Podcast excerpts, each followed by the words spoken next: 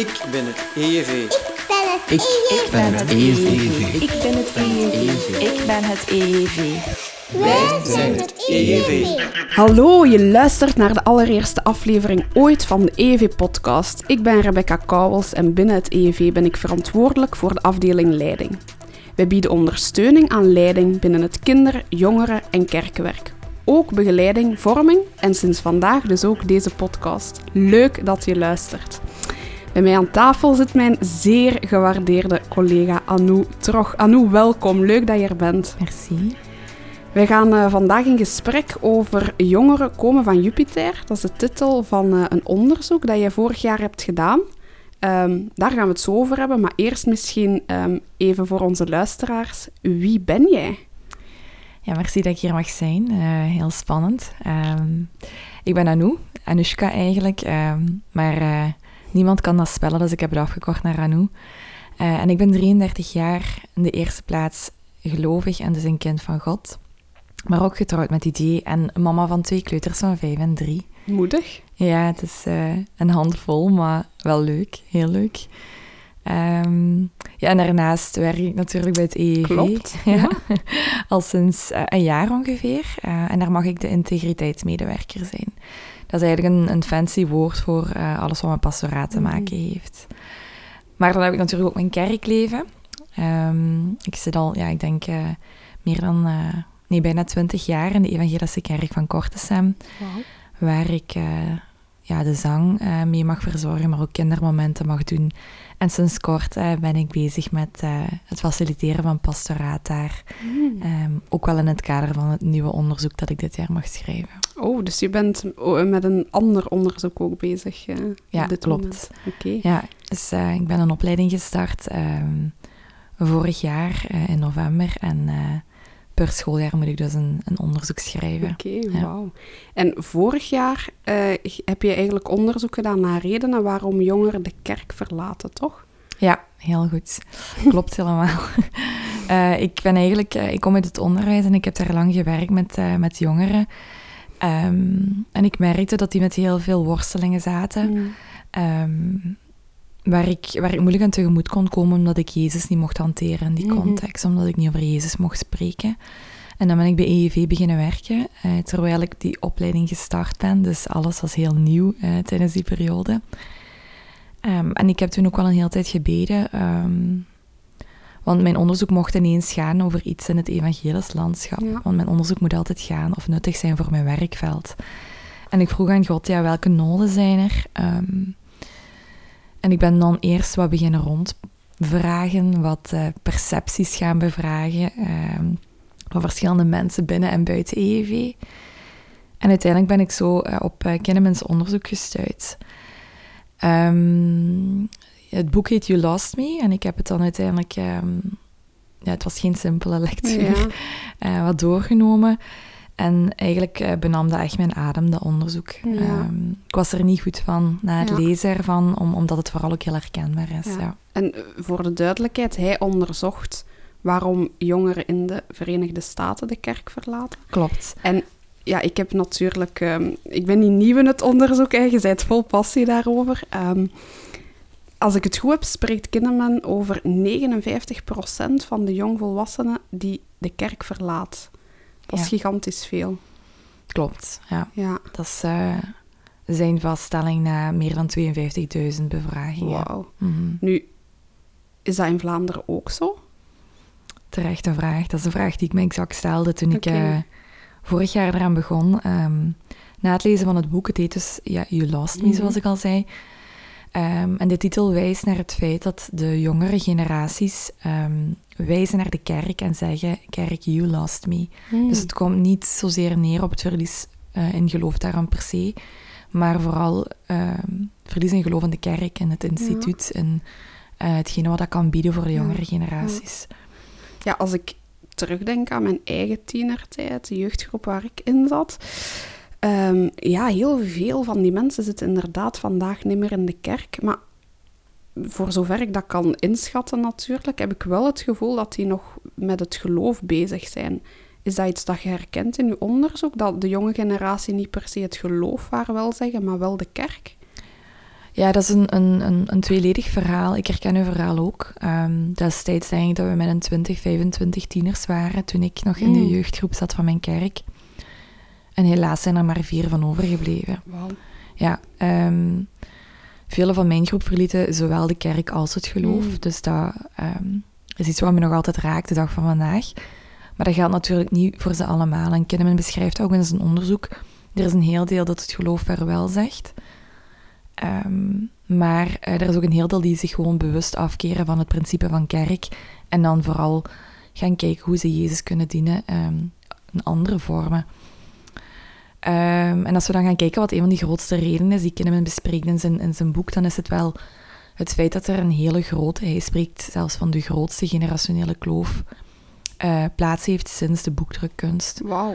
Ja, Want allee, als ik weet, de tegenwerping die dan hoor, ja, elke generatie verschilt toch van elkaar. Blazen we het nu niet wel op? ja, ja, eh, ik heb, eh, ja ik heb dat commenta- die commentaren exact gehoord. Dat is een, een normaal fenomeen, zeggen Ja. ze dan.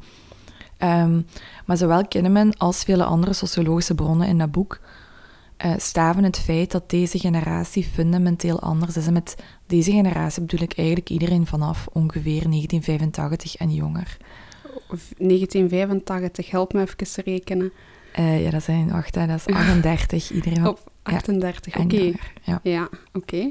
Eh, ze spreken dan eigenlijk over, over vanaf toen een generatie die zo fundamenteel anders is op, basis van drie A's. Eh, in het Mhm. Engels is dan access, alienation en authority. En eigenlijk wil ze zeggen dat de toegang tot informatie zo ongekend groot Ja. is dat je fundamenteel anders denkende generaties krijgt. Ja. Wat betekent dat ehm, ook sociale media natuurlijk, hij is daar een, een heel belangrijke pijler in geworden, ervoor gezorgd heeft dat deze generaties anders functioneren. Je had daarvoor absolutisme, Mhm. dit is waar, dit is niet waar. En nu ineens krijg je eh, zoveel gedachtegoeden op internet verspreid, die zo toegankelijk zijn, die zo makkelijk verspreid worden. Ja, dan spreek je van een democratisering. Ja, In de zin dat internet je gedachten kan doen veranderen. er is niet meer één waarheid. Ah, wel, dat is exact waar de jongeren mee worstelen. En als je dan te maken hebt met oudere generaties, die spreken over dit is waar, dit is niet waar, dan is dat voor die generaties vanaf 1985 en jonger heel moeilijk. Ja. Ja. Want als een bepaalde pastor of een bepaalde zondagschoolleider iets claimt, gaan zij naar het internet, gaan zij dat googelen. En dan stellen zij zich de vraag, ja, maar als dat waar is, waarom zegt het internet, internet dan dat optie A, B en C ook kunnen kloppen? Ja, ja, ja. Ehm, en eh, ik denk dat we onderschatten hoe sterk democratiserend het internet kan zijn. Een, een, heel typerend voorbeeld is ehm, de coronapandemie, ja. vaccins en niet-vaccins. Ehm, we zien hoe dat aanzwelt door informatie op het internet. Los van het feit wat uw standpunt is, kan niemand ontkennen dat die polarisering optreedt. En wel Mhm. een dezelfde manier of manieren van werken zien we terug in de kerk. En we onderschatten eigenlijk in de kerken hoe andersdenkend dat de jongere generaties maakt. Ja, ja, ja. Dus als ik het goed begrijp, dan is God niet per se minder relevant geworden voor jongere generaties. Ehm, maar door die gigantische generatiekloof is, ja, heb ik het gevoel dat jongeren zich misschien niet meer herkennen in de manier waarop dat kerken vandaag het geloof met elkaar beleven. Ja, ja je stelt dat wel goed. Ehm, hun noden, die liggen effectief elders.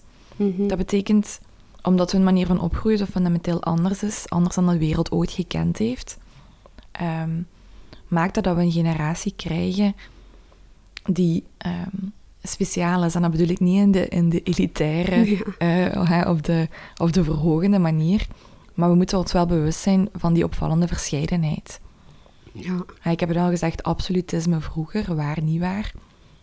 Pluralisme is vanaf de jaren 60 ehm, onze samenleving ingecijpeld. En dan krijgen we eigenlijk een ja, ver doorgeschoten vorm van dat pluralisme. Ja. Alles kan op het internet weerlegd worden. ja. En dat is een beetje een, een factor die heel erg meespeelt in het kerkgebeuren. Als er van voor iets gezegd wordt door een predikant, gaan jongeren dat bijna automatisch in twijfel trekken Mhm. omdat dat eigenlijk ook zo aangeleerd wordt op dit moment. Ja, niet omdat ze slechte bedoelingen hebben. En daar zit dan misschien het probleem ook Ja, een beetje. klopt. Ja. eh, we zitten in een wereld waar wetenschap hoog in het vaandel gedragen wordt. Wetenschap is een vorm van dialoog, van eh, dingen in twijfel trekken, samen nadenken. En die wetenschappelijke manier van onderzoeken wordt in het onderwijs continu aangeleerd. Ja. Zet daar dan eens nog eens het internet bij met ongelooflijk veel opties.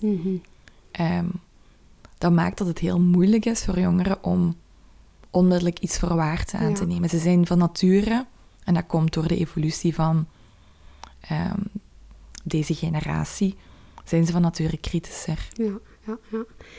Nu, die generatiekloof ligt aan de basis van, van dat onderzoek van Kinneman.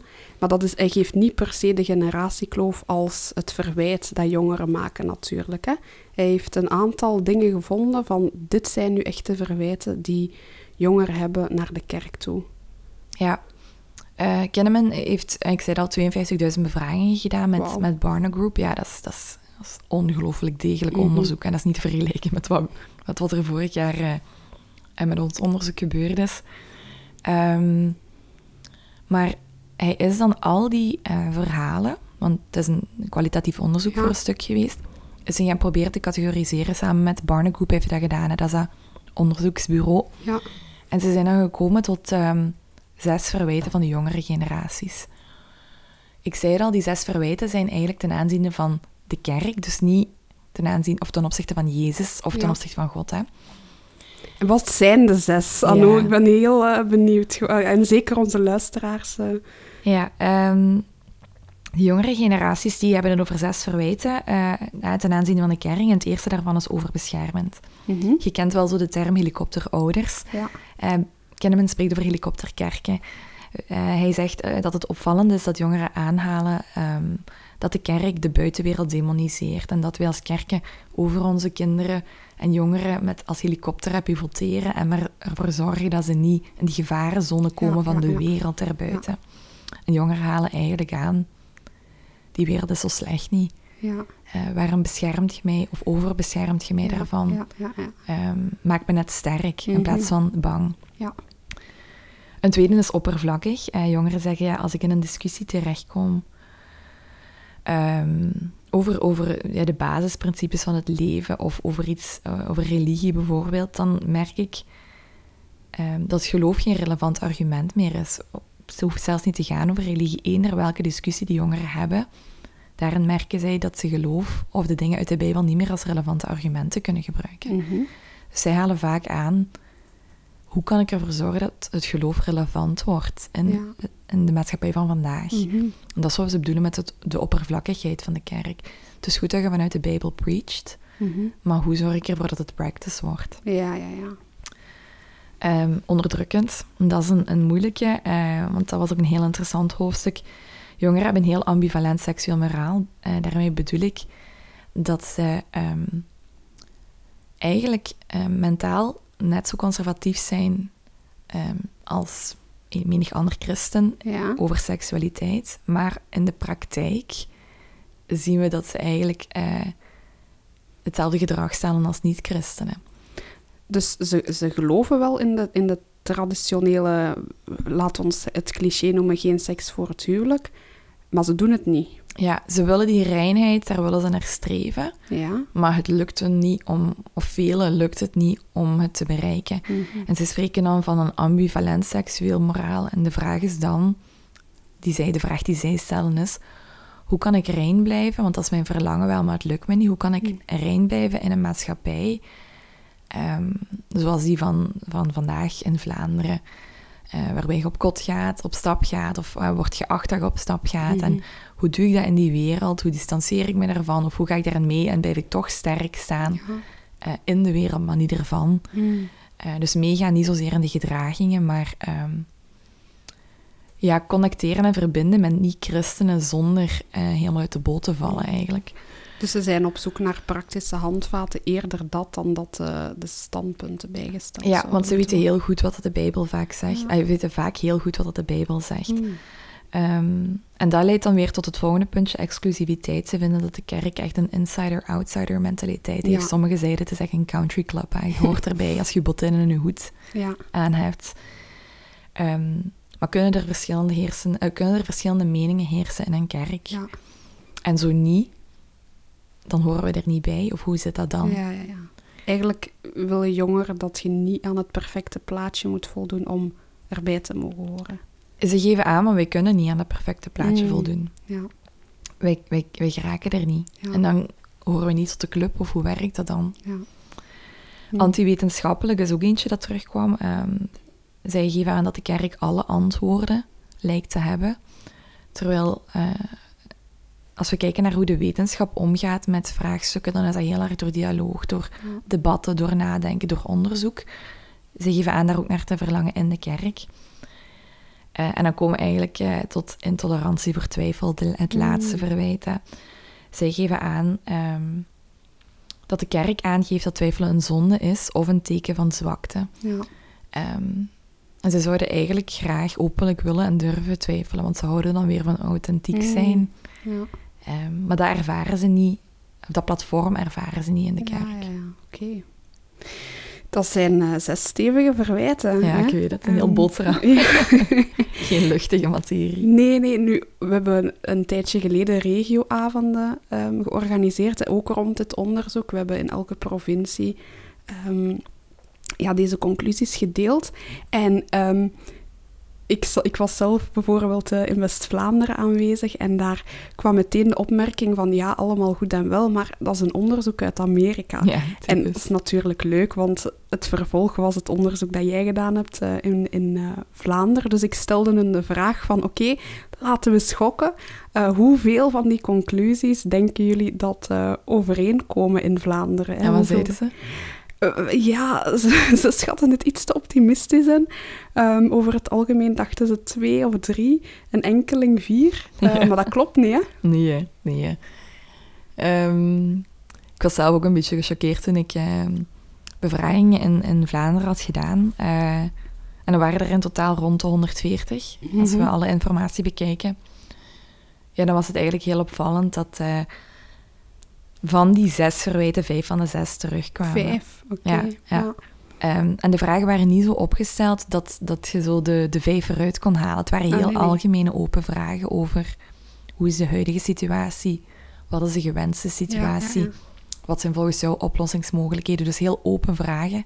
Ja, ja, het was niet, dit, zei- dit zegt Kinneman, zijt je het eens Zet je het eens of Nee. Zo was het inderdaad niet, want dan zou je zo een, een vooringenomenheid creëren en dat mag niet. Ehm, en dan, ja, het was pijnlijk om, om, te, om te zien dat vijf van die zes Mm. terugkwamen, maar dat betekent dus ook eh, dat, dat eentje eh, anders was. Welke, welke, zeg het. Ja. Ehm, als we keken naar alle zes, dan was er één, de anti-wetenschappelijke, die niet terugkwam in Vlaanderen. Waar ik eigenlijk een beetje van, van geschrokken was, want toen ik jeugd was, was dat voor mij echt een dingetje. Ik ben wetenschap gaan ja. studeren, Ehm, maar dat kwam niet terug. Mhm. Maar in de plaats daarvan was er wel een ander eh, terugkerend eh, antwoord, of ja, een soort antwoord. En jongeren, Vlaamse jongeren, evangelische jongeren gaven aan dat ze vonden dat de kerk eigenlijk weinig ontvankelijk was voor input. Oké. Dus zij willen heel graag meedenken ehm, over, over, ja, dat kan van alles zijn, hè. Wat je installeert in een kerk of wat niet, Mm. leiderschap in een kerk of wat niet. Ja, ja, ja. Het organiseren van bepaalde activiteiten. Mhm. Maar ja, dus dat, dat maakte dat het verrassend sterk leek op Amerikaans onderzoek. Ja, dat je dat bijna kunt extrapoleren naar Ja, hier. ja, ja. ja. Ja, want eh, ehm, even recapituleren, zoals ze zeggen. Je hebt dan antiwetenschappelijk valt dan weg. In de plaats komt die, die, dat verlangen of die nood aan inspraak. Ontvankelijk zijn voor, ehm, ja, voor input van jongeren. Mhm. En dan de rest komt overeen. Dus Vlaamse jongeren zeggen ook dat de kerk te overbeschermend is, te exclusief, oppervlakkig, ja, onderdrukkend en intolerant voor twijfel. pijnlijk hè. Ja. Ja, I know. Ehm, ik had die data eh, van de Vlaamse jongeren bekeken samen met Mhm. een focusgroep. Ehm, die focusgroep bestond uit ervaren jeugdleiders van zeven kerkgemeenschappen.